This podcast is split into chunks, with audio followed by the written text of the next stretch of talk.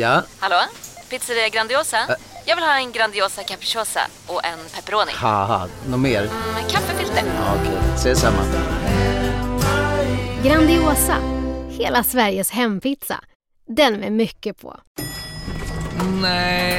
Dåliga vibrationer är att gå utan byxor till jobbet.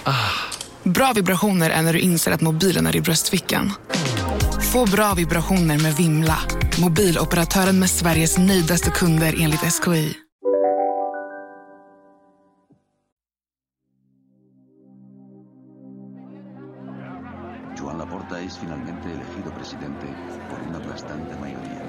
I'm confident to win because we did a very great campaign. We have a very important project for Football Club Barcelona, and uh, we felt that people, um, for we were explaining to them our project, they has been accepted very well. And in my opinion, we have a great possibilities to win these elections, and I'm confident to win.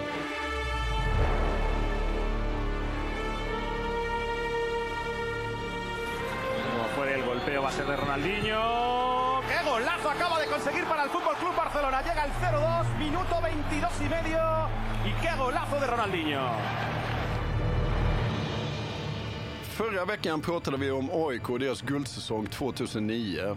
Den här veckan eh, ska vi vända blickarna ut i världen igen. Och en klubb och ett år som det känns som att ja, vi skulle kunna sitta här i dagar och prata om det. Vad ska vi prata om, Erik? Idag ska vi tillbaka till säsongen då vi började, säsongen då så oerhört mycket hände över egentligen hela världen. Vi ska tillbaka till 2003-2004, men den här gången ska vi prata om FC Barcelona. Och det ska vi göra för att det är så väldigt lätt att eh, sätta en utgångspunkt här. Vi kan inleda berättelsen den 15 juni 2003, för det var första dagen i det moderna FC Barcelonas existens. Det var första dagen i utvecklingen som sedan givit oss alla, både Pep Guardiola och Leo Messi och tiki-taka och i förlängningen både EM och VM-guld till Spanien. Det var en dag och i förlängningen en säsong som verkligen gör fog för att vi kallar den historisk.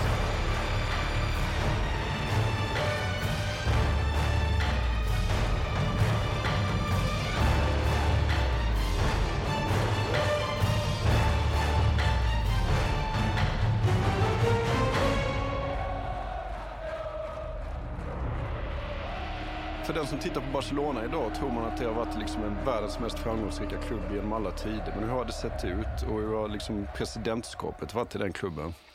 Ja, här kan vi väl dra en väldigt snabb spolning ända tillbaka till 1978 och sen snabbt ta oss fram till millennieskiftet. För under alla dessa 22 år så var det ju en och samma enväldiga, gammalmodiga pamppresident som styrde FC Barcelona. Det var Josep Luis Núñez som tronade ensam i toppen.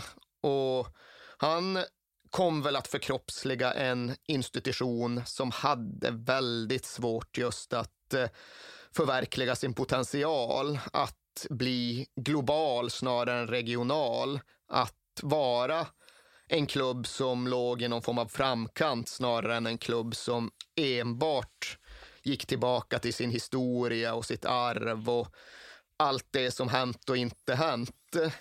Núñez var ju förvisso president när Barcelona vann Europacupen 92, men för det mesta var han just ledare för en klubb som underpresterade, som inte gjorde så goda resultat som de borde göra på planen, som absolut inte utvecklades ekonomiskt och som dessutom var rätt osympatisk och osentimental när det kom till klubbens egna ikoner och hjältar. FC Barcelona var ju egentligen under hela den här tiden en klubb som, som läckte stjärnor. Visst, de lockade till sig karismatiska spelare, men de, de tappade dem sen också innan de egentligen ville. Maradona försvann. Bernt Schuster försvann. Det var en stor sak för dem på den Mm. tiden. Original Ronaldo försvann och Rivaldo försvann och ja, framför allt då så försvann till sist Luis Figo. I came to try to win more prestige and more titles. I think after the first year that we won the league, I think I had a good performance in that year with a lot of pressure.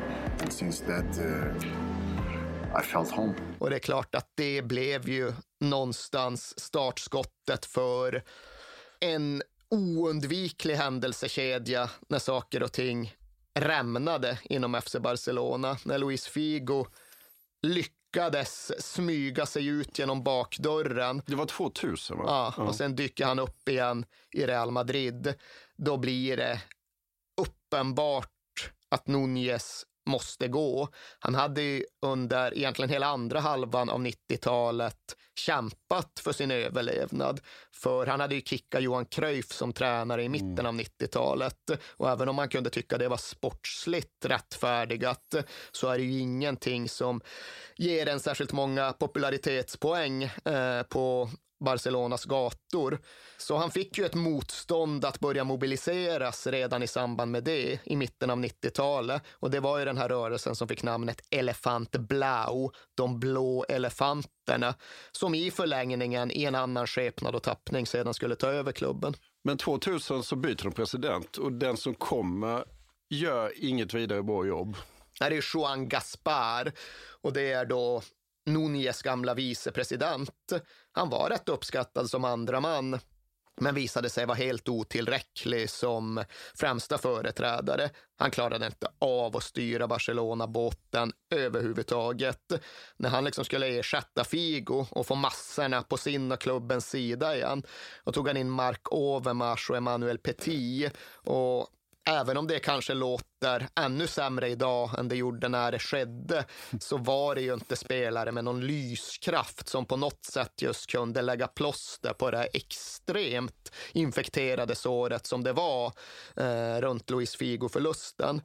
Så det var illa och sportsligt gick det ju bara sämre och sämre. 2002-2003, som då är sista säsongen i den här prologen, ja, då sjönk ju Barcelona på ett sätt som eh, gjorde att det var svårt att se något stopp. Ett tag låg de bara två poäng ovanför nedflyttningsstrecket och det var Louis van Gaal som var coach då. Det har väl folk fått klart för sig på senare år om inte annat att en Louis van Gaal, en ifrågasatt Louis van Gaal i motgång, det är inte den mest medgörliga människan. Det är inte han som sprider god stämning runt klubben. Så det blev ju bara mer och mer komplicerat. Van Gaal fick gå allt tydde ju verkligen på att FC Barcelona skulle missa Europacupspel för i så fall första gången någonsin. FC Barcelona har aldrig missat Europacupspel, men här verkade det verkligen bli på det sättet. Och visserligen räddade de upp det sportsliga under våren. Radi Antic kom in, styrde och ställde och korrigerade, så de lyckades lyckades med en hårsmån med en enda poäng bli sexa och kvalificera sig för Uefa-cupspel. Men det blev ju ingen Champions League och det var första gången på sju år som det hände. Och det innebar ju också att Joan Gaspar han kunde inte sitta kvar. Men han sa väl egentligen redan i, tidigt på året att han inte skulle sitta kvar? Alltså han hade ju ändå en längre mandatperiod. Skulle man följa den vanliga valcykeln nyckeln som ju FC Barcelona använder sig av, då skulle han sitta till 2005. Men precis som du säger, tidigt under det här misäråret så insåg man ju att så länge kommer han inte klamra sig fast vid makten. Han kommer tvingas att avgå. El público no cede, está pidiendo a todo el mundo que se marche para quedar él solo ahí. Y ahora ya Juan Gaspar caminando solo como en su particular Golgota. Och så blev det då också. 13 februari 2003, då försvann Gaspar. Då öppnades startfältet upp för ett nytt presidentrace och då började hela den här processen som vi nu pratar om som ja, födelsen av det nya FC Barcelona. Kan du beskriva lite grann, för att Barcelona är en rätt speciell klubb eh, med tanke på sina medlemmar och hur man utser en president. Eh, hur funkar det? Nej, det funkar ju på så sätt att det i alla fall skenbart fortfarande är en demokratisk medlemsstyrd institution. För det är så att klubbpresidenten och i förlängningen då klubbstyrelsen väljs av medlemmarna på fyra års mandat, likt en annan amerikansk president. Men det är klart att det inte är så att varje Juan och Jordi från gatan får glida in och lansera sin egen presidentkampanj. Det krävs ju stora ekonomiska garantier, vilket innebär att det i praktiken bara är extremt förmögna företagsmän som kan kandidera. Men det finns i alla fall en möjlighet att ställa de här förmögna företagsmännen till svars. Det finns en möjlighet att avsätta den ena och ersätta med den andra. Och det är ju det som alltjämt skiljer FC Barcelona, Real Madrid från till exempel Roman Abramovic och Chelsea som vi pratade om i första avsnittet. För där var det ju verkligen inga medlemmar som Nej. avsatte det tidigare styret och tillsatte honom. Nej, men de måste, de måste ha en och en halv miljon euro, kunna visa upp det om du ska sitta i styrelsen va? Ja, på styrelsen ja. är det så. För presidentvalskandidater är det nog en ännu högre summa. Ja, och sen så är det helt oavlönat äh, arbete. Ja, ta Florentino Perez som alltjämt sitter kvar som Madrid-president. Formellt sett har ju han inte fått en euro för snart 20 år av Real Madrid-arbete, men han har så han klarar sig eh, i sina andra fickor och det är någonstans hela premissen för att det här systemet ska rulla runt. Okej, okay. tidig sommar 2003 inkommer Laporta och hans gäng. Hur ser det ut? Ja, det är ju ett katalanskt tag team. Det är liksom en ny generation av relativt unga, väldigt välutbildade och välbärgade och då förment moderna eh, killar som samlar ihop sig med uttalad ambition just att föryngra, förnya, förbättra styret av FC Barcelona.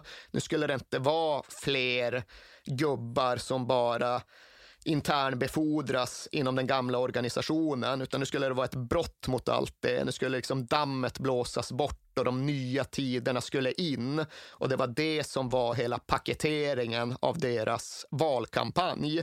För det var verkligen frågan om en valkampanj. De här var ju beresta och internationella killar som hade kontakter mest överallt. Bland annat var det några av dem som hade kontakter rätt in i Washington och den amerikanska presidentvalsapparaturen. Så de hörde ju av sig dit och liksom, nu ska vi driva ett presidentvalsrace. Hur gör man? Och de hade kraften och möjligheterna att få den hjälpen. Och de hade ju också en ganska bred kompetensbas som då hade saknats inom FC Barcelona tidigare. Och det är väl en räcka namn som vi får lov att bocka av här, för det är namn och personer som dels blev väldigt viktiga i revolutionen av FC Barcelona, men som sen faktiskt också har förblivit viktiga i världsfotbollen på olika sätt ända sedan, ända sedan dess.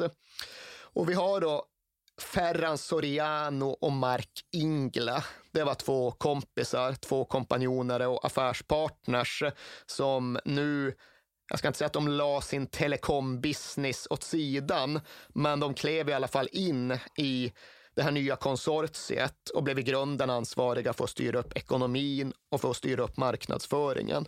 Vi har därefter Sandro Rosei en person som vi kan återkomma till i ännu större detalj, men som blev vicepresident och som framför allt hade kontakterna, som hade telefonboken, som kunde styra upp övergångar och som kunde sköta förhandlingar. Han var hög chef på Nike, va? Precis, mm. och vi kan återvända till ja. det. Men här blev han då vicepresident formellt. Men i praktiken så var det han som rattade FC Barcelonas transfers.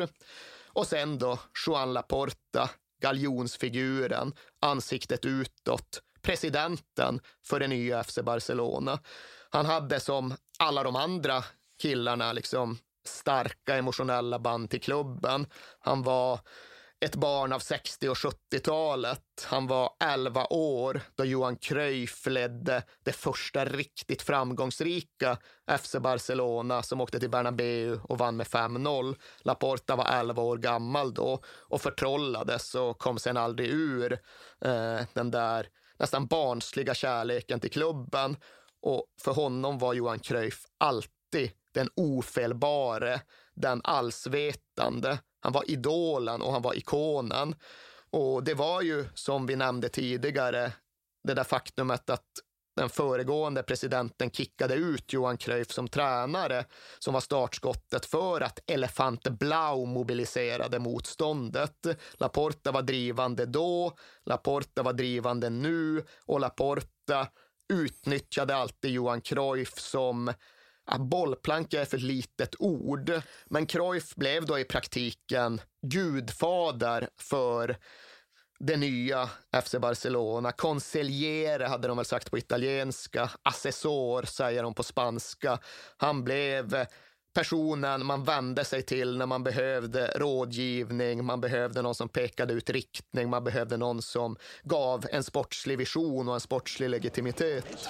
People like us that we love uh, Johan Cruyff, we are really grateful and uh, in our opinion is uh, brilliant and uh, you know Johan Cruyff love uh, our country, love Catalonia. Då har vi det här gänget, det här, de här unga killarna som eh, är väldigt framåt. Hur, hur utvecklar sig eh, racet till presidenten? Ja, det går ju väldigt snabbt, för det var alltså i februari som den föregående presidenten klev åt sidan.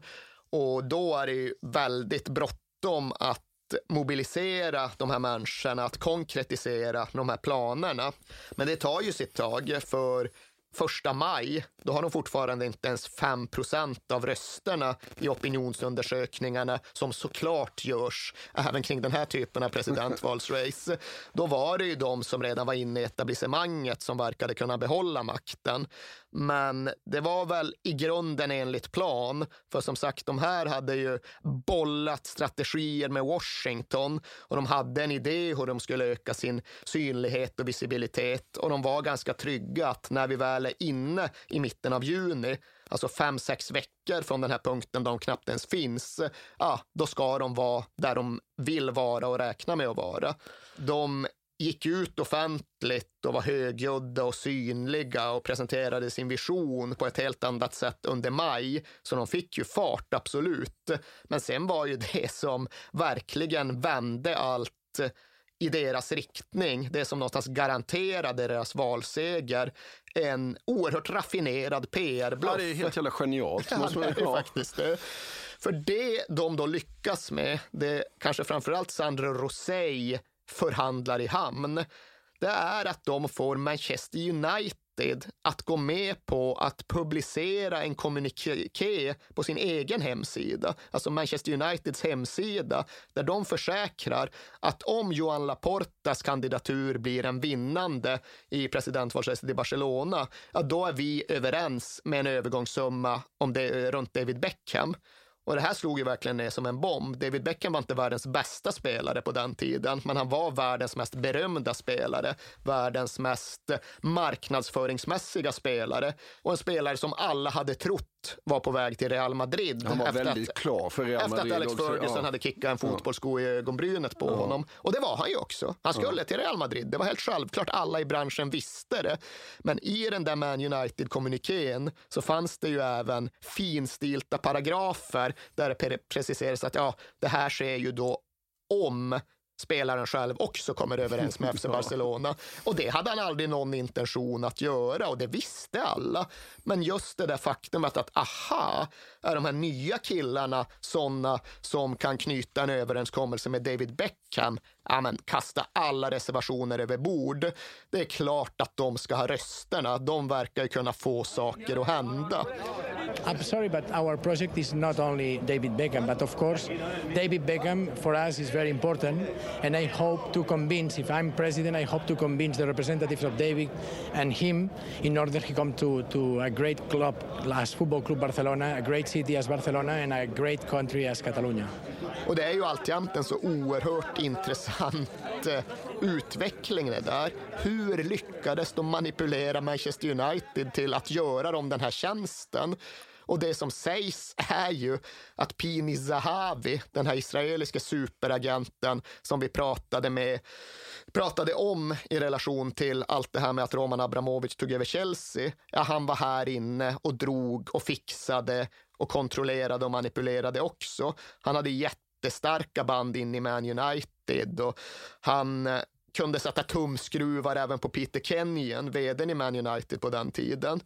Och det som aldrig har blivit officiellt bekräftat, men det som någonstans är en inofficiellt godtagen version, det är ju att Sahavi lovade att ordna så att Man United gjorde detta om FC Barcelona samtidigt gick med på att ta den turkiska målvakten Rysti, mm. som då var en Sahavi-klient. Och det var ju något som hände lite i skymundan. Ja, just det, vi tog in Rysti också. Han var ingen större succé. Han fick ju stå lite ja. i början, men blev ganska snabbt ersatt. Men mm. han ska då ha varit nödvändig för PR-strategin som gav den enorma valframgången. När det väl var dags för att räkna röster den 15 juni då fick ju Laporta och hans gäng 53 procent av rösterna och det var historiskt. Det hade aldrig tidigare varit en presidentkandidat som hade fått mer än 50 procent av rösterna. Så när de väl tog makten så gjorde de det visserligen eh, genom en bluff, men ändå med väldigt starkt mandat. När jag läser detta så får jag intrycket av att eh, Alex Ferguson väldigt gärna vill bli av med Beckham också.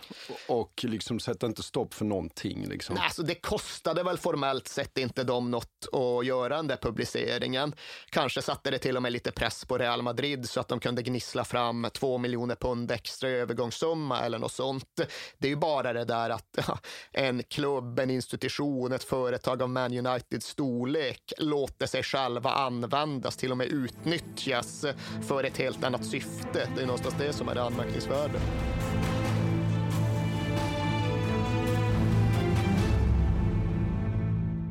Jag vill inleda med att säga att det är garanterad jackpot på 13 miljoner på Stryktipset. Och fy fasen. Ja, visst. Skulle du behöva 13 miljoner eller? Ja, det skulle jag verkligen. Men vi måste säga först att vi är ju sponsrade av Stryktipset. Ett spel från Svenska Spel, Sport och Casino för dig över 18 år. Yes, och stödlinjen.se finns där för dig om du har problem med ditt spelande. Nej, men 13 miljoner ja. jackpot på Stryktipset, det är ju inte fel. Nej, då är det faktiskt dags att ladda en rejäl rad här känns det mm -hmm. som. Mhm. Vet du vad som inte heller är fel?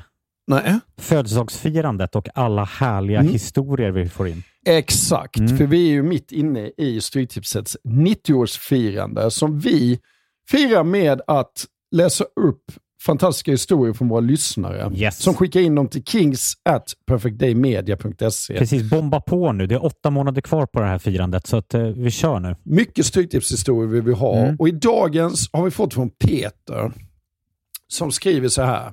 Hej på er och tack för en helt otrolig podcast. Den har räddat mina veckor i snart fyra år. Tack så mycket Peter. Min historia är ganska färsk, men den om när det vände på stopptid gav kanske inte de största pengarna, men känslan i mig består. Jag spelar ofta för lite mindre pengar på Stryket, följer fotbollen men långt ifrån en nörd.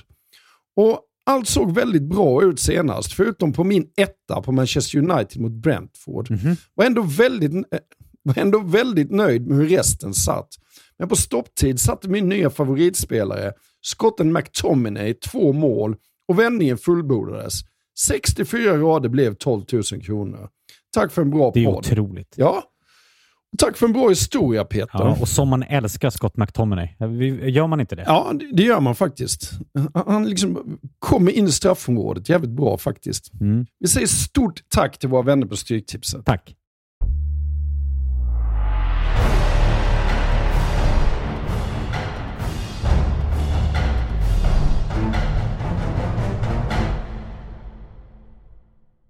Han vinner valet. De ska göra eh, eh, Barcelona till en jättestor klubb igen, men de ska även lyfta fram det lokala. De ska visa att de är katalaner. Vad innebär det? En väldig massa saker och vi har ju inte sett slutet på de sakerna än idag. Men det är precis som du säger att en del av vallöftena, en del av partiprogrammet, det var ju att återknyta till katalanismen som då Laporta med flera, med många, kände hade gått förlorad. FC Barcelona är visserligen en klubb där Johan Cruyff alltid kommer ha en särställning, men här var det nästan som att det var en holländsk klubb runt millennieskiftet. Det var inte bara Cruyff, utan det var holländska tränare, det var holländska spelare. Det var mer Ajax än FC Barcelona på väldigt många sätt. Och här lovade Johan Laporta att framöver skulle det bli något annat igen. Och det på ett sätt som absolut inte bara begränsades till A-laget på fotbollsplanen utan på ett sätt som skulle få eko på gator och torg och i sammanträdesrum och beslutsfattarsalar över både hela Katalonien och egentligen hela Spanien. För när han blev vald så var ju liksom det första hans anhängare skanderade La Porta President, Catalunya Independent. Johan Laporta var inte bara en gammal advokat, han kom ju från en politisk bakgrund. Han hade under 90-talet varit drivande i det som hette Partit per la Independencia, alltså självständighetspartiet. På sin första presskonferens som vald FC Barcelona-president, då pratade han såklart på katalanska om hur han, och jag citerar, skulle använda klubben som instrument för att projicera Kataloniens image för världen. Han lovade att klubben återigen skulle bli synonymt med katalanism. Han hade tidigare uttalat sig, och det var ju ett citat som kom tillbaka nu när han fick sån makt, att Kataloniens självständighet minsann var en nödvändighet. Och det här var ju uppriktigt sagt en ganska jag ska inte säga ovanlig åsikt, men det var inte en åsikt som hade något större gehör 2003. För på den tiden var hela den här självständighetssträvan ganska vilande. Den fanns absolut där, men den var rätt latent. Inbördeskriget, det hade hunnit det hade absolut inte hunnit glömmas bort, men det hade hunnit gå två, tre generationer sedan det utkämpades. Franco hade varit död under ganska många år och Kataloniens autonomi, Kataloniens självstyre, Kataloniens möjligheter att eh, diktera sina egna villkor var rätt stora. Så det var liksom inte en jätte, jättekännbar och jätteinfekterad diskussion om Kataloniens status vid den här tiden. Det var kanske den liksom mest harmoniska perioden vad gäller relationer mellan Madrid och Barcelona de senaste ja, 90 åren någonting. När Johan Laporta börjar prata på det här sättet, när han får gehör för den här retoriken, så händer det ju saker på väldigt många olika plan. Och först var det väl mest symboliskt det märktes runt FC Barcelonas verksamhet. De började återigen spela den katalanska nationalsången före matcherna och de uppmanade slash tvingade nykontrakterade spelare att lära sig, eller i alla fall gå på lektioner för att försöka lära sig katalanska. Men katalanska och spanska, det, det, de förstår varandra va? Ja. Det är, är, det som norska och svenska? Jag är ingen eller? lingvist på det Nej, sättet, men... men jag tror snarare som danska och svenska. Ja, okay. Jag tror inte det är helt enkelt. Oh, fan, ja. ja, nej, det är, det är två separata ja. språk, det är det ju absolut. Och katalanskan har ju en helt annan typ av stavning i väldigt många fall. Det vi kan konstatera är ju att när Barcelona väl började spela försäsongsmatcher under det nya styret, ja, då var de spanska flaggorna som alltid ändå vajade på flaggstängerna runt Camp Nou, ja, de var plötsligt borttagna. De hängde inte där längre. De kom visserligen tillbaka när folk började reagera, för det där var kanske en lite väl övertydlig symbol. Bara, vad hände med Spaniens nationsflagga här? Aha, just de flaggorna var nedtagna för underhåll, meddelade klubbledningen. Jävligt oklart hur man underhåller en flagga. Men så blev det i alla fall. Men allt det där var egentligen ja, mindre, mer symboliska markeringar, medan det som hände runt den sportsliga verksamheten var konkreta förändringar. Det var ju så att Barcelona snabbt nu började göra sig av med många av de importerade utländska spelarna och istället började prioritera de egna, de akademifostrade spelarna på ett tydligt sätt och på ett sätt som verkligen satte tonen för en framtidsriktning.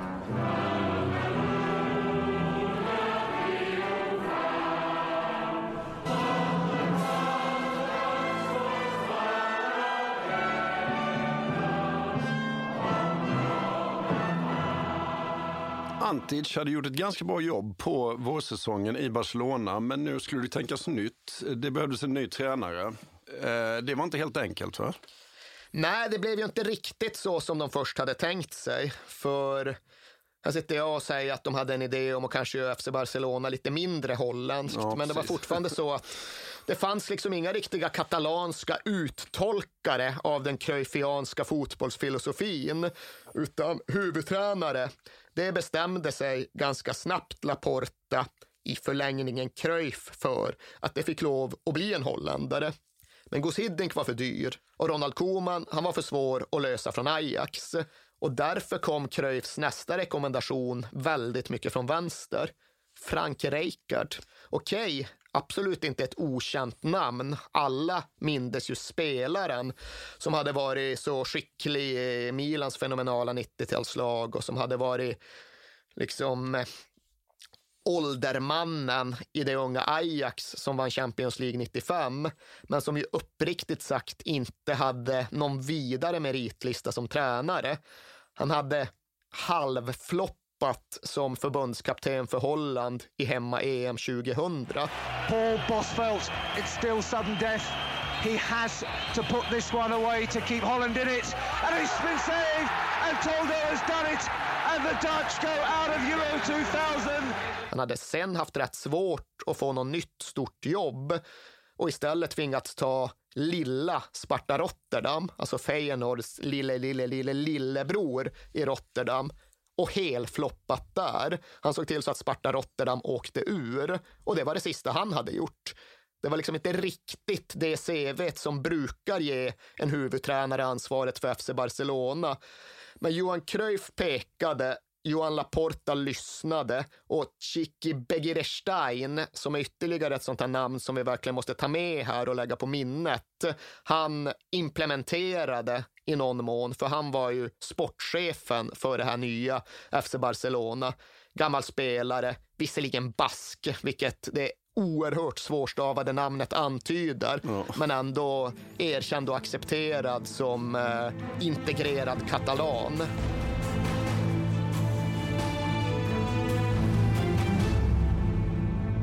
Måste eh, i det här läget också, eh, Rikard kommer in, men vi måste även prata om eh, vicepresidenten Sandro Rossei.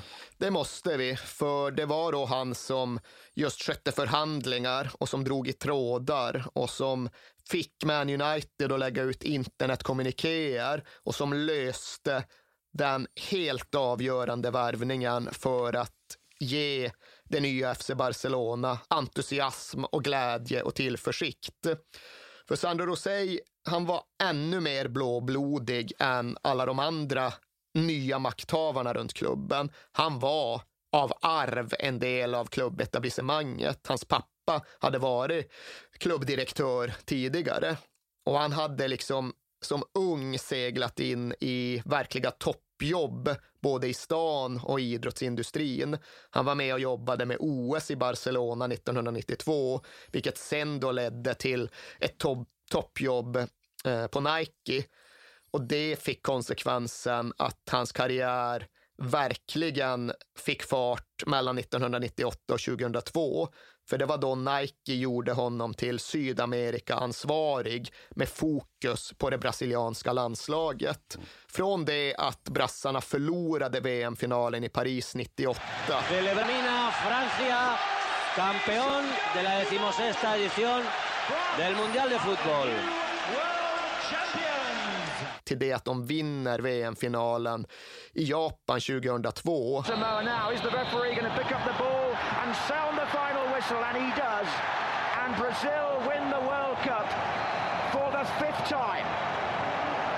And Ronaldo, the woebegone figure of four years ago, is now a World Cup winner så levde Sandro Rosé med det laget. Han flyttade till Brasilien och han var på liksom alla deras samlingar, flög med till alla deras matcher, bodde på samma hotell, umgicks i samma kretsar, var liksom en del av gänget. När de spelade VM-final 2002 så var han i omklädningsrummet. Han var en av de som fick höja VM-bucklan efter att de hade vunnit matchen. Och det var ju det som han sen återvände till Barcelona med 2003. Det var den kompetensen, det var de kontakterna. Och det möjliggjorde ju övergången som kanske inte borde ha varit möjlig, som såg helt svårlöst, nästan till eh, ofixbar ut. Men Aha, han skulle till United ju. Ja, Ronaldinho, ja. Ronaldinho pratar vi om och Ronaldinho ja. skulle till att börja med bort från PSG. Ronaldinho kommer tillbaka till Paris efter VM 2002. Ja, finalfirandet pågick väl en del in under säsongen. Det får väl vara uppriktiga och erkänna. Han var inte fullt fokuserad på franska ligan under 2002-2003. Det bidrog ju till att det skar sig med PSGs manager Luis Fernandes. Men det innebar då att eh, Ronaldinho våren 2003 befinner sig i en situation där PSG är på väg mot en elfte plats i franska ligan, där han själv hatar tränaren, där det är rätt uppenbart att han inte kommer spela fotboll i Frankrike nästa säsong. Och då är bara frågan vart han ska ta vägen.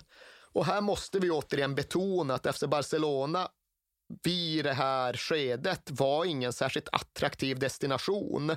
En underpresterande, illa fungerande klubb som då inte skulle spela Champions League för de hade inte kvalificerat sig, som inte hade några pengar att konkurrera med, vare sig vad det gällde övergångssummor eller lönepaket. Så det verkade absolut som att Real Madrid skulle ju såklart kunna ta honom om de ville. Och om inte de ville så stod helt klart Man United tvåa i kön. Och det förutsatte alla att okej, okay, så blir det väl då. Vi, vi måste också säga, för du, du nämnde det där, men eh, en viktig grej är ju att Laporta äg, alltså ärver ju ett skuldberg på 150 miljoner euro från den dagen han blir president också. Ja. Så att det är inte bara så att de kan strössla pengar. Nej, de hade skulder på 150 miljoner euro, vilket var mycket mycket pengar för 16 år sedan. De hade alltså gjort ett driftsunderskott på 75 miljoner euro det föregående kalenderåret, vilket är ett horribelt ekonomiskt resultat. Och de hade tvingats eh, hantera en situation där de själva budgeterade för att gå från 74 miljoner euro till drygt 50 i spelarlönsbudget under säsongen de var på väg in i. Så det var ju just ett nedskärningsbygge som Laporta tvingades försöka vända på. Men själva så hade de väl just den där tanken på att det kommer lösa sig i och med att de gamla dårarna var så fullständigt inkompetenta vad det gällde att göra ekonomi av fotbollsklubb. Vi ska minsann professionalisera, vi ska modernisera, vi ska bli powerpoint-Barca och på så sätt kommer vi få ekonomin under kontroll. Men med allt det sagt så var det ju ändå så att FC Barcelona kunde liksom inte vinna en budgivningstävling om Ronaldinho. Ifall han bara flyttar till högstbjudande, ja då skulle det inte bli FC Barcelona. Och det visste ju Sandro Rosell, men han kände ju även Ronaldinho väldigt bra, för de hade minst spelat bongotrummor tillsammans under många sena brassepartyn under de här åren då Rosell bodde i Brasilien. Och han fortsatte ju nyttja de här kontakterna. Han drog i de trådarna innan han ens hade fått någon makt eller något mandat att göra det. I april så drog han iväg till Latinamerika. Brasilien spelade en vänskapsmatch i Mexiko och då började han bearbeta Ronaldinho. För det ska sägas att de var ju smarta de här jävlarna. De visste ju redan då att de skulle göra den där rökridån med Beckham. Men de visste samtidigt också att ska vi verkligen få lyskraft i projektet och sportslig utväxling, ja då är det inte Beckham vi ska ha. Beckham kommer ge lyskraft, men han kommer inte räcka till för att vända laget. Så parallellt med att de pratade om annat så jobbade de med Ronaldinho. Och Rosell, han var ju hela tiden väldigt tydlig gentemot Ronaldinho. Det kommer börja skrivas om Beckham. Strunta i det, liksom. Mm. det är inte verkligt. Det är bara PR. Eh, så när det väl var vunnet val då studsade Rosell återigen iväg för att träffa det brasilianska landslaget det första han gjorde. De mellanlandade i Paris på Charles de Gaulle innan de skulle flyga till någon vänskapsmatch eh, mot Nigeria. Och då kunde ju Ronaldinho bara glida dit från sin lägenhet och Rosell passade ju på. Han följde med Ronaldinho ut till flygplatsen, satt med honom där i logen och lobbade och lobbade och lobbade. Här kommer bli kanon. Du ska inte bo i något regnigt jävla Lancashire. Du ska bo liksom vid stranden i Barcelona. Och sånt lyssnar ju Ronaldinho på. Det gillar brassar. Men det var ju en spännande förhandlingskamp hela vägen lika fullt. PSG spelade ju ut de kort de hade, för det här var ju inte Qatar-PSG. Det här var ett PSG där varje miljon euro höjning av buden var viktigt. Så Real Madrid försvann ju rätt snabbt efter att de hade säkrat Beckham. De hade tillräckligt med Brasse Ja, de ville vänta ett år. Ja, ja de hade någon sån idé ja. att vi köper honom, sen lånar vi tillbaka honom ett år och sen, men det tyckte varken PSG eller Ronaldinho lät något vidare. Men det som hände var ju att de satte mötte sin egen förhandlingsdelegation i Lyon, Paris Saint-Germain. Och sen flög, flög de dit Man United, satte dem på ett hotell. Så flög de dit Rosey och satte honom på ett annat hotell. Och sen hade de liksom kurirer som promenerade mellan de här hotellen och mer eller mindre begärde liksom kuvert med olika bud i. Och det slutade ju såklart med att Man United vann. FC Barcelona de hade liksom en limit, 27 miljoner euro. Högre än så kunde de inte gå. Man United hade inga som helst problem med det. De drog 30 på bordet och insåg okej, okay, det räckte, då vann vi toppen. Liksom. Ah, åker tillbaka och saken är avgjord, saken är klar.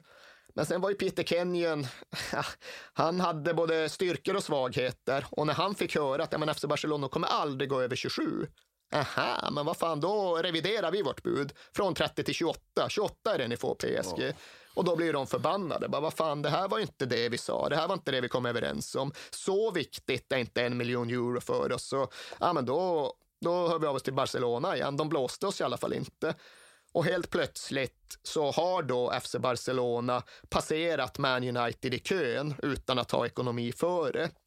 Och i och runt allt det här så är det ju tacksamt för det fanns ett kamerateam som följde klubbledningen under de här första mest intensiva och mest händelserika månaderna. Och de är ju med under den absoluta slutfasen av förhandlingarna för att kontraktera Ronaldinho. Filmen hette väl Barcelona Confidential, går fortfarande att få tag på på någon streamingtjänst där ute. Den är faktiskt väldigt bra. Ja, den är i alla fall, det är kul miljöer ja, är man får titta in i. Ja. Och bland annat får man ju sitta med under hela det dygnet när Ronaldinho till slut skriver på för FC Barcelona. Först ser man då en frustrerad Rosé sitta och slita i det hår han knappt ens tar. Och så, ja, men, vi sitter här fast, fast som ett träd rotat i jorden, bara vänta på nyheter från England. Någonstans liksom indikerar han maktlösheten, att om Man United bara liksom blåser Barcelona ur vattnet med ett bud på 40 miljoner euro, så då är de ju körda. Men till slut kan de ändå åka ut till flygplatsen, hämta in Ronaldinho, börja försöka lösa eh, de personliga villkoren. Och där är det ju också att de är oroliga. De sitter i bilen och diskuterar, vad är det för lön vi egentligen erbjuder honom? Alla standard standard. El paquete standard. Paquete standard. Sí, sí. Paketet standard. Paketet standard är ju egentligen inte vad Ronaldinho vill ha och kan förvänta sig. Men de sitter ju där och det är väl sex till åtta timmars förhandlingar. Och man kan ju följa med just i de där små paragraferna. Nej, Ronaldinho, du får inte åka motorcykel, vattenskoter, skidor, du får inte paraglida Ronaldinho. Och det tror jag i och för sig är standardklausuler i ett kontrakt, men det blir extra roligt när det är Ronaldinho ja, som ja. får dem förklarade ja. för sig. Det är någon stackars sekreterare där i klubblokalerna som bara smattrar på en stor gammal stationär dator. Hänger över. Ja, Laporta står där och dundrar och sätt fart nu kvinna! och så ser man Ronaldinho stå och gör bolltricks i rummet bredvid undrar varför det inte blir färdigt. Men till slut skriver de ändå under. Laporta gör en poäng av att ah, nu är min signatur extra optimistisk för att man ser att den går uppåt sådär. Ja. Och Ronaldinho ser mest förvirrad ut. Du ska använda min penna, säger Laporta. Det gör mig lycklig. Och Ronaldinho gör mest bara sitt surftecken med tumme och lillfinger. Men de ror i hand. Rosé konstaterar att perfekt. På måndag, då jävla ska vi sälja tröjor, för det har vi varit värdelösa på i åratal.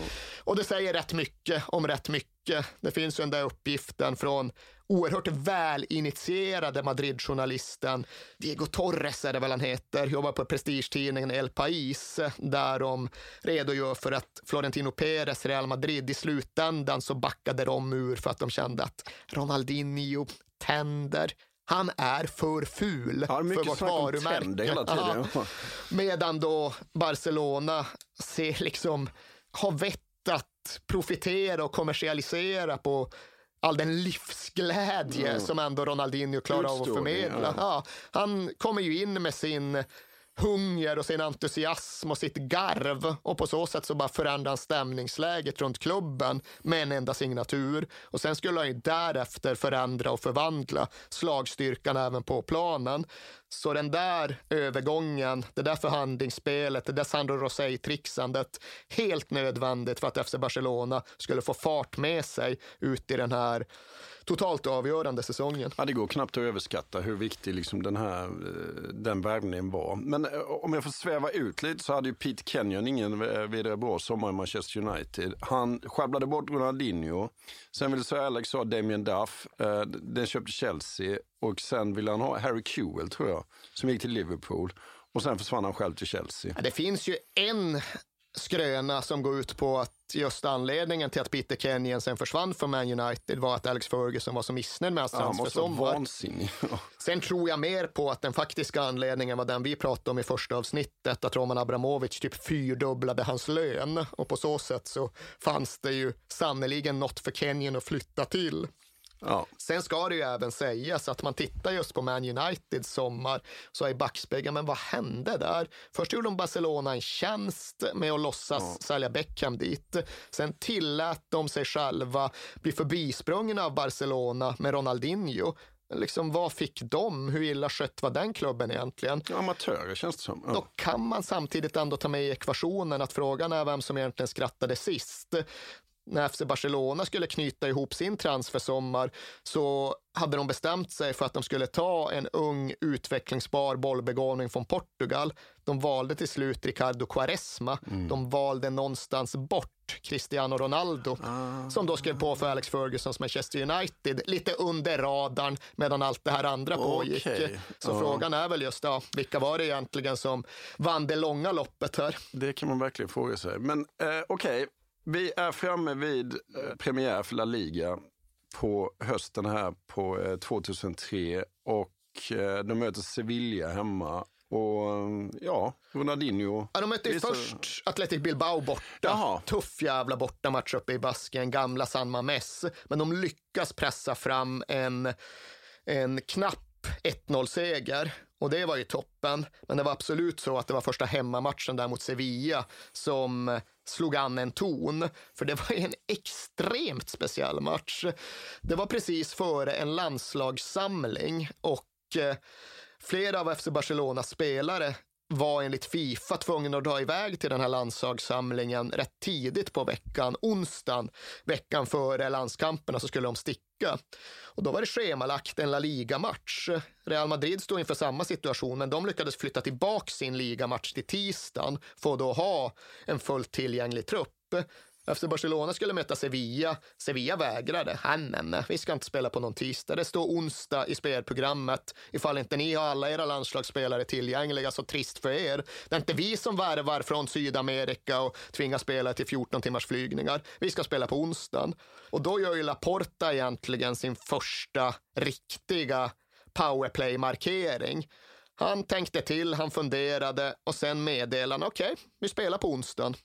Vi spelar fem minuter över tolv på onsdag morgon. Alltså fem minuter in på onsdagsdygnet. Fem minuter efter midnatt har vi avspark. Och de tittar på statuter och ligaregleringar och kommer fram, ja, det finns inget som hindrar det här så, ja, okej okay då.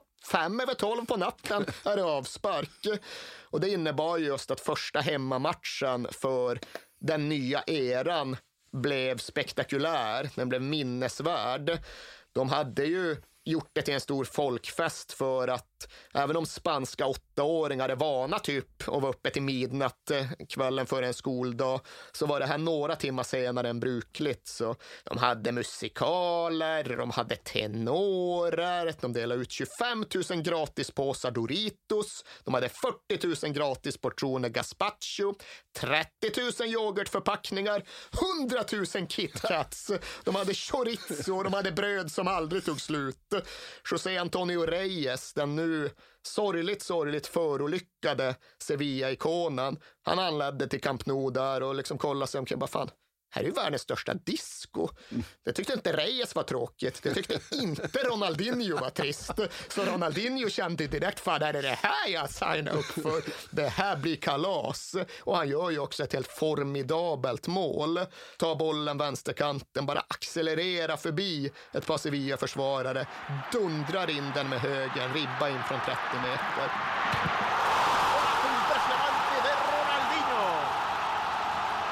Otroligt mål. Och allt det där innebar liksom att okej, okay, 1-1 hemma mot Sevilla, det är inget toppresultat. Men samtidigt, här har vi en ny giv där ledningen tydligen både innovativ och principfast. De låter sig inte hunsas. Vi har liksom en karneval som vi kommer att minnas och vi har en fokusfigur som dansar in fantastiska mål. Det här ska nog kunna bli helt okej. Okay. Det var känslan som alla cooles gick från hemmapremiären med. Vet du förresten vem som är 90 i den här hemmapremiären mot Sevilla? Vem som? Vem som är 90 minuter? En spelare som det inte är helt självklart att ta in i den här ekvationen. Nej, det vet jag faktiskt inte. Bjärred försvann väl innan säsongen? Han kan inte få... Nej, jag vet faktiskt inte. Patrik Bjärred Andersson, det 90 minuter. Men han försvann väl? Han försvann eh, 1 januari. Då Aha. köpte han sig själv fri från återstoden av sitt kontrakt. Men han var där under hösten. Han gör en handfull matcher. Han spelar faktiskt så sent som i december. Men det är ju väldigt tydligt att så långvarig blir han inte.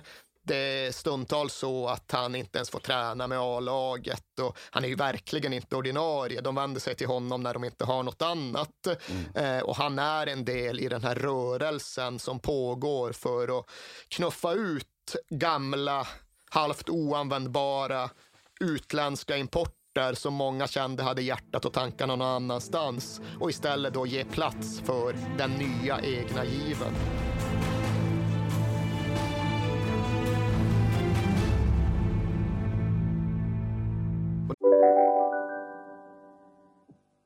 Hej, Synoptik här. Visste du att solens UV-strålar kan vara skadliga och åldra dina ögon i förtid? Kom in till oss så hjälper vi dig att hitta rätt solglasögon som skyddar dina ögon. Välkommen till Synoptik. Om en sous är på väg till dig för att du hörde en kollega prata om det och du råkade ljuga om att du också hade en och att den var så himla bra att maten blev så otroligt god och innan du visste ordet av hade du bjudit hem kollegan på middag nästa helg för att du sålt in din lågtempererade stek så bra att du var tvungen att beställa en på nätet fort som attan. Och ja! Då finns det i alla fall flera smarta sätt att beställa hem din sous på. Som till våra paketboxar, placerade på en plats nära dig och tillgängliga dygnet runt. Hälsningar Postnord. Välkommen till Unionen. Jo, jag undrar hur många semesterdagar jag har som projektanställd och vad gör jag om jag inte får något semestertillägg? Påverkar det inkomstförsäkringen? För jag har blivit varslad, till skillnad från min kollega som ofta kör teknik på möten och dessutom har högre lön trots samma tjänst. Vad gör jag nu? Okej, vi tar det från början. Jobbigt på jobbet. Som medlem i Unionen kan du alltid prata med våra rådgivare.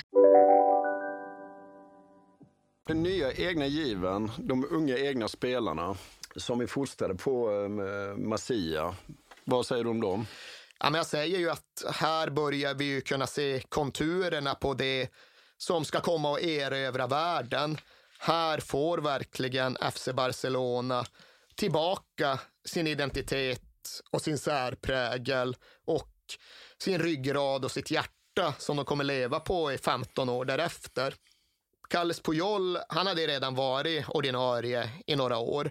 Men nu blir han lagkapten i takt med att Luis Enrique fasas ut. De fick ju lov att använda Rysty lite här i början för de lovade Pini Zahavi, men så fort de kan så fasar de egentligen ut honom och skickar in Victor Valdes istället. Därtill, viktigast är ju att de kanske ger en 19-årig Andres Iniesta större och större förtroende. Därtill så skola Frank Rijkaard lite halvt om, eller använder Frank Rijkaard i alla fall Xavi på ett nytt sätt. Han hade varit defensiv mittfältare, pivote som de säger i Spanien, under sina första år i klubben. Och det hade gått lite sådär. Han var inte alls så uppskattad. Han var öppen för transfer fram till det att Barcelona valde en ny riktning. Nu knuffade de fram honom lite mer i planen och just gjorde honom till den Xavi som vi alla kom att känna som Xavi, Xavi, den största av dem alla nästan. Och det var inte så att det var okomplicerat för den förra regimen hade inte alls eh, riktat sig mot akademin, hade mer eller mindre struntat i La Masia och låtit delar av verksamheten förfalla. Det fanns fortfarande extremt skickliga utbildare och instruktörer, så talangerna kom ju fram, talangerna utbildades, men de fick sen aldrig en riktig chans när de skulle konkurrera med invärvade brassar och holländare. Och det fanns ju någonstans kvar i luften och det var de tvungna att vända på. Men det fick konsekvenser även under det här året. Cesc Fabregas, han kände inte att Barcelona var klubben för honom, så han drog ju nästan exakt samtidigt som Team Laporta kom till makten. Wenger identifierade honom och tog honom till Arsenal. Gerard Piqué, som visserligen var kvar i klubben ett halvår till, men som också var just i luven på klubbledningen sen tidigare. Ja, han försvann till Man United. Så även om de började uppmärksamma och uppskatta akademiprodukterna igen så jobbade de i uppförsbacke och tvingades så en del skräp som den föregående ledningen hade skördat. Men de lyckades i alla fall slå vakt om det som skulle visa sig vara det viktigaste av allt. Mitt i allt, medan ligasäsongen tar form och pågår, så åker FC Barcelona iväg för att spela en jippomatch, invigningsmatchen av Portos nya arena, Estadio Dragao. Och det är den 16 november 2003 och det är första gången Leo Messi spelar för FC Barcelonas A-lag. Det gör han sen inte under hela den här säsongen, men han gör ett sånt avtryck att han får ju den nya sportsliga ledningen att inse att right, här får vi lov att vara lite vaksamma. Han är 16 år va? Ja, mm. den här killen ska vi hålla nöjd. Så han får ju börja träna med A-laget och Ronaldinho, han var ju inte den typen som såg en ny ung sydamerikansk talang som ett hot, utan han tog ju Messi under sina vingar direkt, sa efter första träningen. Den här killen kommer bli bättre än vad jag någonsin kan bli och jag kommer hjälpa honom. Det är en skygg liten tyst kille, men han ska med i mitt party. Det kommer bli kul. Så de gör ju det mesta rätt. De räddar sig själva från att slösa bort den bästa akademigeneration som någonsin har funnits. In 2010, nine of the Spanish squad who would win the World Cup had been raised in La Masia. Det börjar ändå rätt okej okay för det här laget, men eh, det fortsätter inte så. Vad händer sen under säsongen, fram till jul? Det som kanske framför allt händer, det är att Joan Laporta får ett inbördeskrig på halsen. För återigen, de kommer till makten på ett moderniseringslöfte. De ska göra FC Barcelona mer konkurrenskraftigt och det ska de göra genom bättre marknadsföring, större global räckvidd, eh, bättre kommersiell verksamhet, fler sålda Ronaldinho-tröjor. Allt det där som de krasst uttryckt absolut var nödvändiga att göra, men som ändå liksom blir en eh, utveckling i linje med det många liksom föraktar och förkastar som den moderna fotbollen. Och det här innebär ju att den tydligaste och farligaste skärningen sker ju mellan Laporta personligen och den ledande dominerande ultrasgruppen Borsos Nors, reservation för det katalanska uttalet. För de har ju tidigare fungerat ungefär som ja, men en ultrasgrupp alltjämt ofta gör på italienska arenor. De fick monopol på kurvan. De fick gratisbiljetter som de själva kunde hantera, distribuera och för den delen även sälja till överpris. De fick klubblokaler där de kunde ha både sina banderoller och sina baseballträn inne på arenan. Och klubben såg liksom mellan fingrarna med att de tjänade en massa egna pengar på att kränga allt från Ultras t-shirts till droger utanför Camp Nou. Men när Laporta kom så kände just han att Nej, men så kan det inte vara längre. Vi ska bli en moder ett modernt fotbollsföretag. Då kan det inte vara gangsters som får göra lite som de vill. Det ska ju sägas att Camp Nou då som nu var en oftast rätt tyst arena. Mm. Så Borsas Nors var ju viktiga för stämningen. Men Laporta gjorde avvägningen att nej, nersidan är alldeles för stor. Vi ska klippa med dem. Inga gratisbiljetter, Förresten, inga biljetter överhuvudtaget. De ska bort.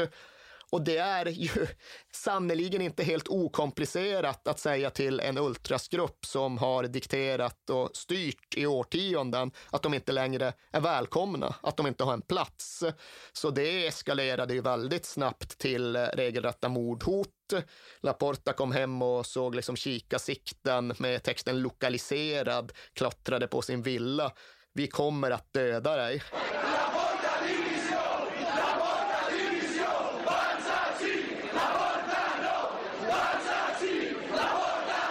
Det löstes ju aldrig under den här säsongen. Det har egentligen inte lösts än idag. Det var någon basketmatch på våren som fick slutet att han blev påhoppad av en grupp på 7-8 Bosch Borsosnors Ultras.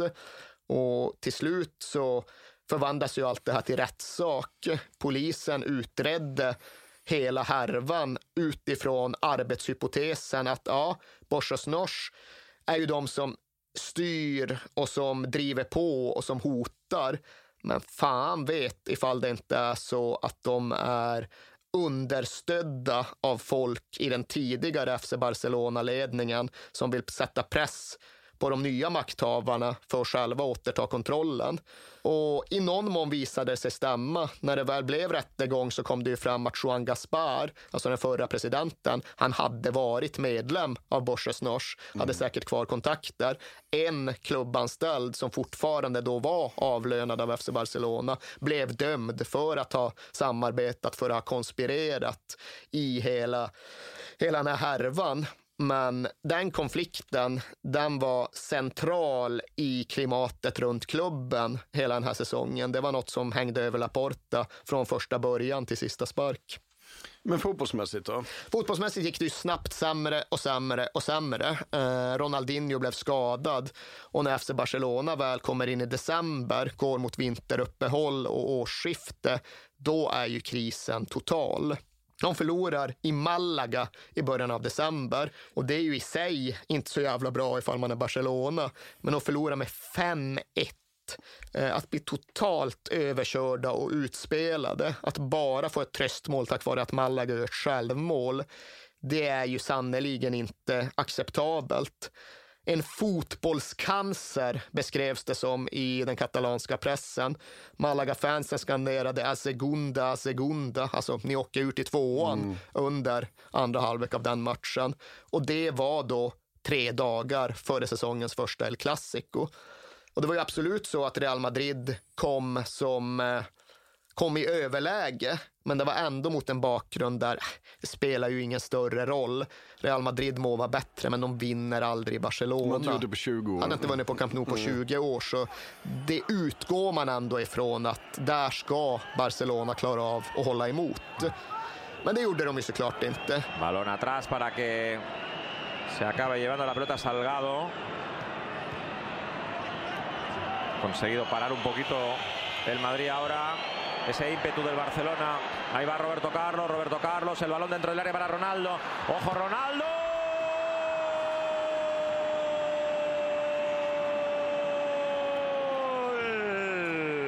Gol de Ronaldo que marca el segundo del Madrid. Minuto 73. Y Ronaldo Nazario marca el segundo del Real Madrid. Real Madrid vinner och kraften i ett sånt resultat tror jag egentligen inte vi behöver förklara. Det gjorde ju att allt förvärrades fyra dubbelt bara över 90 minuter. Och det är då Barcelona går in i vinteruppehållet som tolva i ligan, bara sju poäng ovanför nedflyttningsstrecket 18 poäng efter ett Real Madrid som just har rullat in i stan och vunnit klassikon för första gången på två årtionden. De hade knappt vunnit alls på Camp Nou, hade tagit 10 av 27 möjliga poäng på hemmaplan. Och det såg ut att bara spinna iväg bortom all kontroll. Det spelar liksom ingen roll hur mycket ni pratar om modernisering och hur många Ronaldinho-tröjor ni kan sälja om Ronaldinho själv är skadad och laget förlorar varenda match. Direkt efter årsskiftet så åker de upp till Santander. Santander är sannerligen inte Spaniens största klubb. Förlorar med 3-0, hade mycket väl kunnat bli 6-0. Och där tvingas ju ledningen fatta ett beslut. Där vänder sig Laporta som man alltid gör till Johan Cruyff. Och Johan Cruyff säger nej. För, för, för, först är väl Reikard väldigt, väldigt ifrågasatt. Alltså Rosé vill väl ha ja, bort honom? Nej, men Reikard ja. är otroligt ifrån. Alla vill ha bort honom. Och Rosé, precis som du säger, han tillhör de som känner att det enda vi kan göra är att sparka honom. Och det innebär att... Han vill ha en... Scolari, va? Ja, exakt. Han vill ju Ja. ha en Nike-brasse. Ja. Det skulle ha det fa- faller Ja. in i den kategorin. Ja. Det innebär ju att en sprickbildning uppstår i klubbledningen för egentligen första gången. Men Laporta visar ju att det är faktiskt han som fattar de avgörande slutgiltiga besluten. För han lyssnar ju inte på vare sig pressen eller fansen eller på sin vice Sander Rosell. Han lyssnar på Johan Cruyff när det kommer till sportsliga frågor. Och Cruyff säger, nej, håll i det här. Tro på Frank Rijkaard. Jag ser tecknen. Det kommer bli bättre. Om Cruyff ser tecknen, då ser Laporta också tecknen. Han dundrar ner i det här Barcelona-omklädningsrummet efter förlusten mot Santander och klargör att ah, ni spelare, ni kommer åka innan Frank Rijkaard gör det, bara så att ni vet. Så det är det ni går in i 2004 med. Det är det ni måste känna till och förhålla er till. Okej, eh, Rickard får fortsatt förtroende, men de gör framförallt en värvning som är helt eh, avgörande för resten av säsongen. Och det fansen vill ha är en stor målgörare och de blir lite besvikna i början va? Det blir de. Eh, för som sagt, Patrick Kluivert var främsta målskytt. Han hade gjort fem. De vill ju ha in ett jättenamn som center.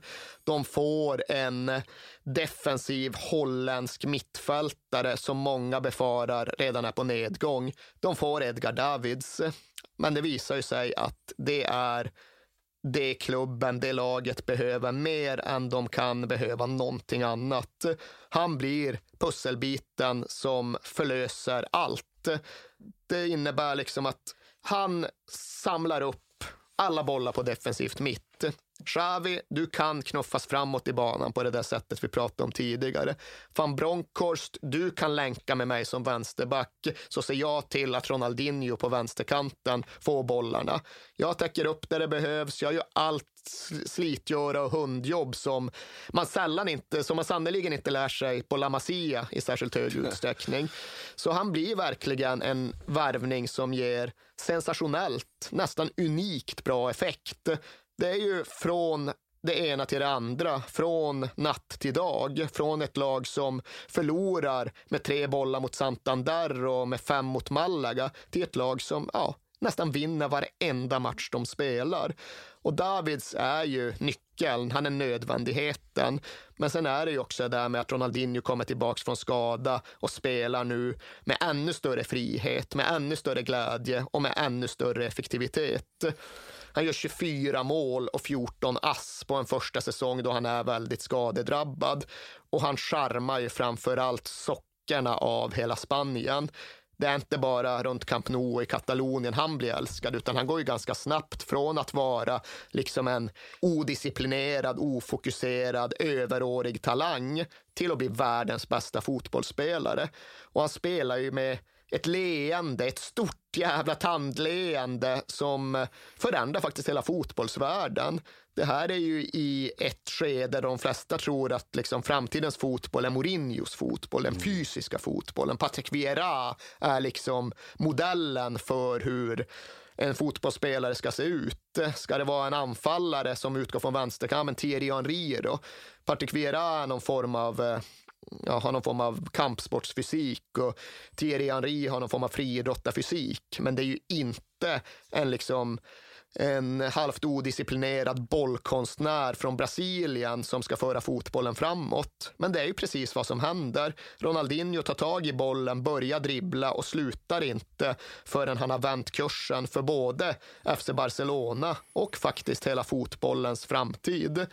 Han är så extremt karismatisk och han gör så mycket för så många att eh, jag skulle säga nästan alla kids som var 10-11 år, 23-24, de har ju Ronaldinho som idol och förebild. Han satte hjärtan i brand och han kom ju undan med allting.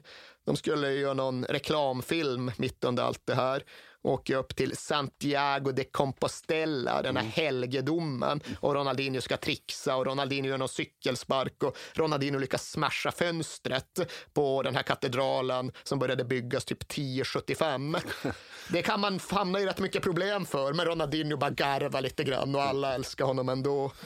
Äh, det, var, det var väl kanske det, det var ju bilden, det var ju liksom porträttet av tavlan som målades under den här säsongen, det var ju Ronaldinho showandes, garvandes, dribblandes, eh, passandes på ett sätt som gjorde att Barcelona fick tillbaka sin lyskraft. För det räcker ju inte att bara Edgar Davids vinna några matcher med 1-0, det behövs något mer. Och detta något mer, det var ju Ronaldinho.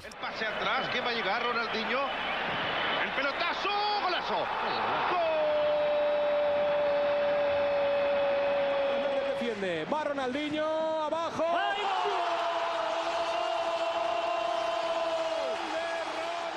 Ja, det var, han var fruktansvärt bra alltså. Men det, det gick bra på planen, eh, äntligen, och allting var bra. Förutom att i styrelsen gick det inte lika bra. Det kändes lite grann som att Sandro Rosell ville inte vara vicepresident, han ville vara president. Makt splittrar, som någon av de här herrarna själva korrekt analyserade. Och det var ju i grund och botten en maktkamp. Det var ju en egostrid mellan Laporta och Rosell, 100 procent. Stan var inte stor nog för, både, för de båda. Styrelserummet var inte stort nog för de båda. Och det blev ju tydligt och uppenbart just i samband med att resultaten var så svaga och Rosey ville kicka Reikart medan Laporta inte lyssnade på Rosey utan lyssnade på Cruyff istället. Och det innebar ju att det blev två falanger där ja, men krasst uttryck, Laporta hade styrelserummet. Han hade de som han hade gått in i valkampanjen med och han hade dessutom just Cruyffs sportsliga ledningsfolk. Han hade Reikard och han hade Chiki Begirenstein. Medan Sandro Rosei hade omklädningsrummet. Han hade Ronaldinho, han hade värvningsmöjligheterna. Han hade förmågan att peka på vilka spelare han skulle kunna locka till sig framöver och på så sätt göra FC Barcelona ännu starkare. Ja, det som i slutändan avgör den här maktkampen, det är väl någonstans att Laporta dels då har presidentskapet, men han har ju även ideologin. Han har även katalanismen. Och det struntar Sandro Rosey rätt mycket i. Han är en global maktspelare. Han vill göra karriär och han vill eh, göra business. Han är inte så mycket av en politiskt driven ideolog. Så mitt i den här våren så sticker ju han iväg på Florentino Perez dotters bröllop. Och det är en signal som landar fel på så väldigt många håll i Katalonien. FC Barcelonas eh, ledning kan absolut äta lunch med Florentino Perez på matchdagen, men man frotterar sig inte med dem. Man lierar sig inte med arvfienden, med maktcentret i Madrid. Man står för andra saker, andra värden och man håller framför allt det ifall det är något man har gått till val på. Eh, efter den här katastrofala Santander-matchen så spelar de 15 matcher vinner 12, spelar tre oavgjorda innan det är dags för returen eh, i El Clasico på Bernabéu. Ja, och nu är vi ju inne i säsongens slutskede. Nu har FC Barcelona räddat upp allt på ett sätt som innebär att ja, Europaspel kommer de nå. Champions League-spel borde de nå och faktiskt, de har någon form av outside-chans på titeln. Real Madrid är ju högre upp. De förväntas fortfarande vinna titeln, men de har problem med ett Rafa Benites stretande Valencia. Så de måste ju vinna den här klassikon för att fortsätta ha kvar ett visst grepp om titeln. Men det som sker är ju ett maktskifte på 90 minuter. Ett ihopläkande av en klubb som har varit så sårig och som mått så illa. För det är inte nog med att FC Barcelona vänder ett underläge till seger. De gör det också på absolut bästa tänkbara sätt. El segundo gol llegaría en los últimos minutos. Asistencia magistral de Ronaldinho levando el balón. Y el sombrero de Xavi sobre la salida desesperada de Iker Casillas. El Barça adelantaba al Madrid en la clasificación de la liga. De gör i en match där Luis Figo av alla människor tappar humöret och drar på sig ett rött kort. Och liksom skadeglädjen över det går inte att klä i katalanska ord. Men de gör det ju dessutom på ett sätt där segermålet faller sent, där det skapas av Ronaldinho som hittar en sån här lyftning, soptunnellockslyftning som Mikael Laudrup brukade göra under Dream Team-tiden fram till då en framskjuten, faktiskt djupledslöpande Xavi Hernandez som lyrar bollen över Casillas och in i mål. Och det är ju någonstans syntesen av allt som det nya FC Barcelona hoppas kunna bli. Det är den karismatiska importerade superstjärnan som förlöser den egenproducerade, hemvävda La Masia-produkten. Jag hade faktiskt glömt, för att det här var ju lite innan eh, allting visades i sociala medier, men den passningen Ronaldinho slår där är på, alltså på den här nivån är helt makalös. Ja. Man borde titta på den. Ja, det går ju att youtuba fram. Ja. Podcastformatet har sina begränsningar, Ja, men eh, det finns ut där det, ja. ute. Mm. Det finns där ute. Och just då, efter Barcelona vinner matchen, säkrar i praktiken Champions League-spel, spelar bort Real Madrid från titeln och skickar ner Real Madrid i en negativ spiral som de inte lyckas häva. De förlorar fem raka. Eh, Galacticos, erans stora år, spricker och klubben krackelerar därefter. Medan FC Barcelona just får det där självförtroendet, den där tillförsikten, den där känslan av att vi är förbi dem. Vi behöver inte ägna tre år åt att försöka klamra oss lite närmare för varje halvår, utan vi är redan förbi dem. Och det är ju känslan som båda klubbarna möter både sommaren och framtiden med. När FC Barcelona kommer tillbaka till Katalonien efter den här matchen så är det ju tusentals anhängare som har samlats på flygplatsen för att ta emot dem mitt i natten. Och det är ju inte för att de vinner ligan. De hade kanske kunnat göra det, men de förlorar några av de sista matcherna efter klassikon. Men den där flygplatsmottagningen den handlar ju framför allt just om det där att ja, det verkar ju bli som ni har sagt. Det verkar bli så att det nya klubbstyret kan hålla vad de har lovat. Ut med det gamla, ut med liksom de diktatoriska, snävsynta, omoderna presidenterna. Ut med de överbetalda nyförvärven. Ut med inkompetensen som gör att vi tappar Figo till arvfienden och in med känslan av att vi är på väg någonstans och vi är dessutom på väg någonstans dit inte ens Real Madrid kan nå. De kan ha Beckham och de kan ha Ronaldo, och Zidane och till och med Figo. Men de kan inte ha Ronaldinho, för han är bättre än något de har. Och de kan inte ha Kanteran, de kan inte ha La Masia, de kan inte ha ett halvt lag fullt med egna spelare som är på väg mot världstoppen. Och så slutar någonstans säsongen och så visar det sig därefter även bli.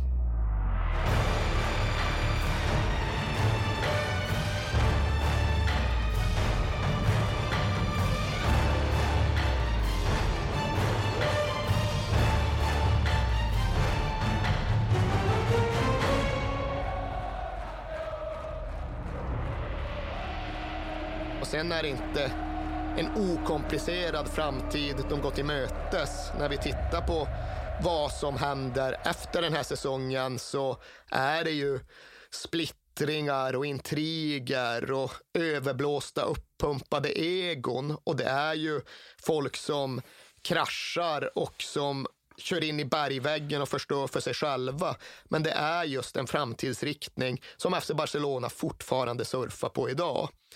Det här liksom teamet som slöt sig samman och som tog över klubben och som skulle ta över världen, det splittrades ju. Men det är fortfarande så att alla har ju på sina sätt gjort avtryck på andra håll i världen sedan dess. Mark Ingla nämnde vi bara kort i början och hans bira ska kanske inte överdrivas, men han var absolut central. Och idag är han chef för Champions League-klubben Lille. Det är inte det största uppdraget i fotbollsvärlden. Det är inte lika stort som det hans parhäst Ferran Soriano har lyckats med. För han och Chiki Begiristain idag, det är ju de som har gjort fotboll av alla Gulfpengar som har runnit ner i Manchester City, det är ju de som både har lockat dit Pep Guardiola och satt en global plan för världsherravälde. Det är de som gör att det finns en Manchester City-filial i New York och en annan i Australien och en tredje i Sydkorea och en fjärde i Kina och en femte gud vet var. Så de har ju tagit sitt imperiebyggande från Katalonien till Manchester. Och Rosé eh, försvinner Ja, eller du ska gå... Ja, ja, nej, Rosé, han blev ju Barcelona-president som han så desperat gärna ville. Han och Laporta kom ju snabbt att bli nästan till dödsfiender och han försökte ju störta Laporta under flera år tills han till sist då föll 2010. Men Rosé som president, ja, det var ju både vin och vatten om man säger så. Det var han som ledde klubben under deras kanske allra bästa era. När de vinner Champions League-finalen 2011 på Wembley så är det nog frågan om de inte har det bästa klubblag som jag någonsin har sett i hela fotbollssportens historia. Det får vi återkomma till. Ja, det kan faktiskt, vi göra. Men det, det, det, jag befinner mig ja. nästan där. Men det är ju också en väldigt minerad typ av klubbstyre han ägnar sig åt. Han släpper släpper liksom aldrig det här med att han ska göra en massa stor global business och han ägnar sig liksom parallellt med sitt Barcelona rattande åt att eh, hålla på att kränga tv-rättigheter till brasilianska landslagets landskamper. Och allt det där går ju inte ihop till sist. Visst, han löser Neymar. Med sina brasilianska Nike-prylar så lyckas han se till så att Neymar kommer till Barcelona. Men han gör det i slutändan på ett otillåtet sätt. Och det är de genvägarna och de revisionstrixen som fäller honom som Barcelona-president. Sen är det det där med tv-rättigheterna och allt det förde med sig som fäller honom som ja, samhällsmedborgare. För han blir ju fängslad. De dömer ju honom för pengatvätt i anslutning till de här tv-rättigheterna. Så han satt ju 643 dagar i spanskt fängelse tills han frikändes i samband med rättegången bara tidigare i år.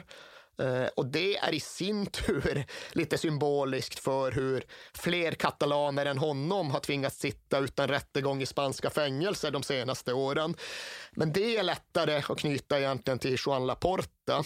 För ja, egot fällde ju honom. Han fick ju storhetsvansinne och gjorde sig till slut omöjlig som klubbpresident. Gjorde sig ovän med alla utom Johan Cruyff. Men innan dess så stod han ju fast nog för att egentligen själv driva igenom utnämningen av Pep Guardiola som tränare. Mm. Det var ju han som gjorde, när egentligen alla andra ville José, ha José Mourinho. Ja, och Begeristain då. Men han, ville, ja. han och Begeristain som hans man ville ju ha Guardiola för att de trodde alltjämt på det katalanska med allt vad det innebär. Laporta var ju i grund och botten med historien som facit i första hand en katalansk självständighetskämpe, i andra hand en fotbollsfunktionär. Får jag ställa en fråga till dig? Vet, vet du vad han kallades?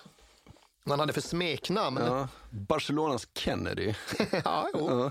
Ja, jag ser något i det, men det gav ju också en typ av naturlig väg för honom efter att han inte längre kunde behålla makten över fotbollsklubben. Egentligen var det ju nästan exakt samtidigt som Rosell tog över som president efter honom som den katalanska självständighetskampen verkligen blossade upp.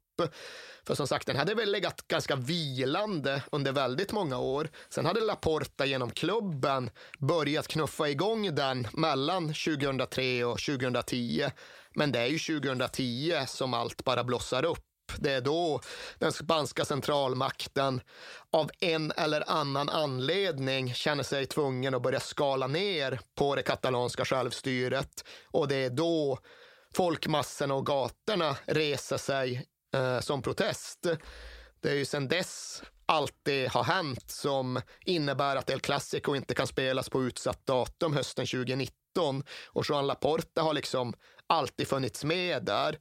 Bara några månader efter att han avsatts som klubbpresident för FC Barcelona så befinner han sig i Kataloniens parlament som politiskt vald ledamot. Där blir han visserligen inte så framgångsrik som han själv hade förutsatt, utan idag hösten 2019 så är han ju en ganska marginaliserad politisk figur. Han finns fortfarande där och han har ju kvar sitt namn och sitt genomslag. Och det var bara här om veckan som jag noterade att han var ute och gnällde lite på nuvarande FC Barcelona-styre. För han tyckte inte att de hade fördömt fängslingen av de här katalanska självständighetspolitikerna tillräckligt kraftfullt. FC Barcelona förblir ju en politisk klubb och de gick ut med en officiell kommuniké om att fängelse är minsann inte lösningen. De har ju sanktionerat banderoller på Camp Nou om hur enbart diktaturer fängslar politiska meningsmotståndare. Men för Joan Laporta är ju liksom inte det här nog. Han tycker att klubben borde vara ännu mycket mer aktiv i självständighetskampen som alltid har varit hans. Ja, jag tror faktiskt, Erik, att vi kommer få återkomma till fler säsonger med Barcelona framöver. Eller vad säger du? Det förutsätter jag nästan, för revolutionen var ju inte komplett i och med detta, men riktningen var satt och bollen var i fyrdubbel bemärkelse satt i rullning. För återigen, det som påbörjades här, det fick så oerhört stora konsekvenser, både sportsligt och samhälleligt. Utan det som påbörjades säsongen 2003-2004 så är det väldigt oklart om FC Barcelona hade haft så stor och så stark sportslig status. Det hade i alla fall inte blivit någon Pep Guardiola. Det hade i alla fall inte blivit några Champions League-titlar med det La Masia-spelsätt som vi har kommit att känna som tiki-taka. Det hade förmodligen inte blivit så mycket rödblått för Iniesta, Xavi, Leo Messi och hela den generationen. Jag vågar faktiskt påstå att det knappast hade blivit några mästerskapstitlar för det spanska landslaget. De hade förmodligen fortfarande befunnit sig i den där förbannelsen från 1960-talet. Och för den delen så hade det säkerligen blivit en katalansk frigörelsekamp, men den hade inte sett riktigt likadan ut. Den hade inte lika självklart varit klädd och draperad i fotbollsfärger och den hade inte riktigt haft samma plattform att stå på som den hade när allt väl började 2010 och när Johan Laporta hade sett till så att fotbollsklubben låg i framkant för allt det som skulle komma att hända. Stort tack för att ni har lyssnat på When We Were Kings. Eh, nästa vecka är vi tillbaka igen med ett nytt lag och en ny årgång. Ni får gärna fortsätta att mejla oss på kings at perfectdaymedia.se. Det är jätteroligt när ni gör det och ni kommer med förslag. Så fortsätt med det så ses vi nästa vecka. Hej då! Den här podcasten är producerad av Perfect Day Media.